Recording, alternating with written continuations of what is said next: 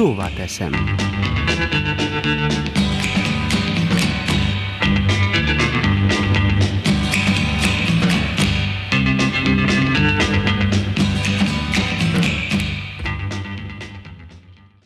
Hallgatóink bizonyára emlékeznek, hiszen rádiónk is foglalkozott a kérdéssel, hogy 2011. júniusában a szlovén országgyűlésben elfogadták az új családtörvényt.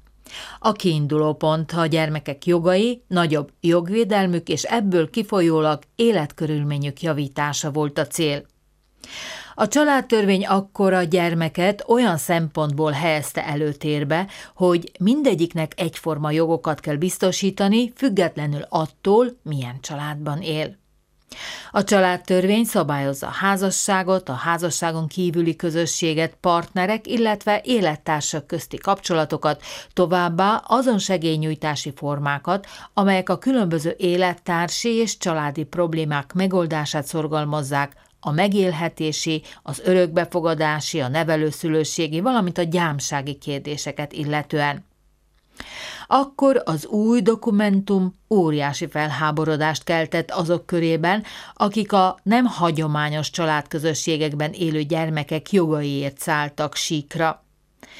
Több mint tíz év után, amikor az Alkotmánybíróság is jogsértést állapított meg, még mindig nem csitult a kérdés körüli zaj.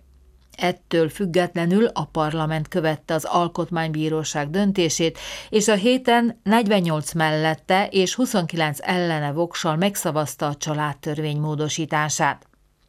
A lényeg, hogy redefiniálta a család, illetve házasság fogalmat. Amíg 11 évvel ezelőtt a köznyilvánosságban az egynemű párok és a gyermekek örökbefogadása kavart legnagyobb port, még ha ez csak akkor volt lehetséges, ha az egyik közülük a gyermek biológiai szülője volt, most merőben megváltozott a házasságot körülíró definíció, és így szól. A házasság a nemüktől független két személy közössége. Magyarán Házasságot köthet férfi és nő, vagy két nő, vagy két férfi. Többé nincs különbség közöttük. Ugyanakkor az egynemű partner kapcsolatban élő pár gyermek örökbefogadása azonos feltételekkel valósul meg, mint a házasságban élők esetében. Amint említettük, a korábbi megfogalmazás a nemi megkülönböztetés tekintetében alkotmány ellenes volt, és hátrányos megkülönböztetést tett az emberek között. Tudom, hogy sokan nem értenek egyet, úgy vélik, hogy apa csak férfi lehet, anya csak nő lehet. Hogy a két nőből álló szülői páros nem tudja átadni a gyermeknek az apai, illetve férfi mintaképet és a két férfi sem tud megfelelően anyáskodni az általuk nevelt gyermekükkel. Lehet, hogy ebben is van valami igazság, mert hogy a természetes faj fennmaradásához két különböző nemű alanyra van szükség. De nézzük inkább a gyermeket és azt, mi jobb számára. A szociális ügyi központok, iskolák, óvodák tudnának mesélni arról, hány gyerek él bántalmazottan, elhanyagoltan, éhessen, verve vagy lelki megfélemlítésben a hagyományos házasságból kialakított családi otthonfalai mögött, apjukkal és anyjukkal együtt. Az, hogy férfi és nő van az életükben, nem garancia arra, hogy gyermekkoruk boldog.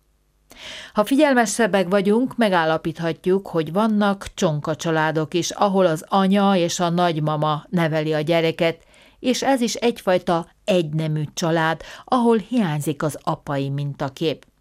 És mégis funkcionális felnőtté tudják nevelni a gyermeket.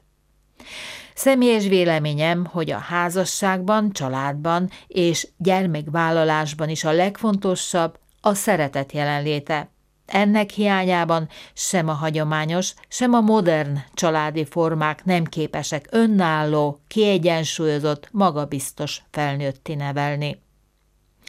Végezetül még egy elige egy másik korszakból.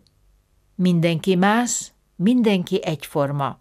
Emlékeznek-e még erre a jelszóra, amit óriás plakátok hirdettek Szlovénia szerte? A türelmességet és megértést hirdető akció mottoja volt ez, amely Szlovéniában továbbra is, vagy egyre inkább újból aktuálisnak látszik. Adjunk neki lehetőséget a társadalom alapegységében, a családban, bármilyen is az.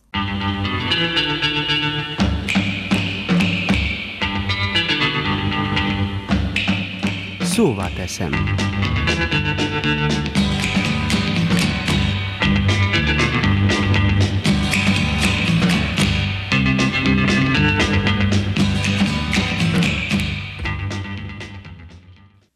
Az elhangzottak a szerző véleményét tükrözik, és nem minden esetben egyeznek a szerkesztőség álláspontjával.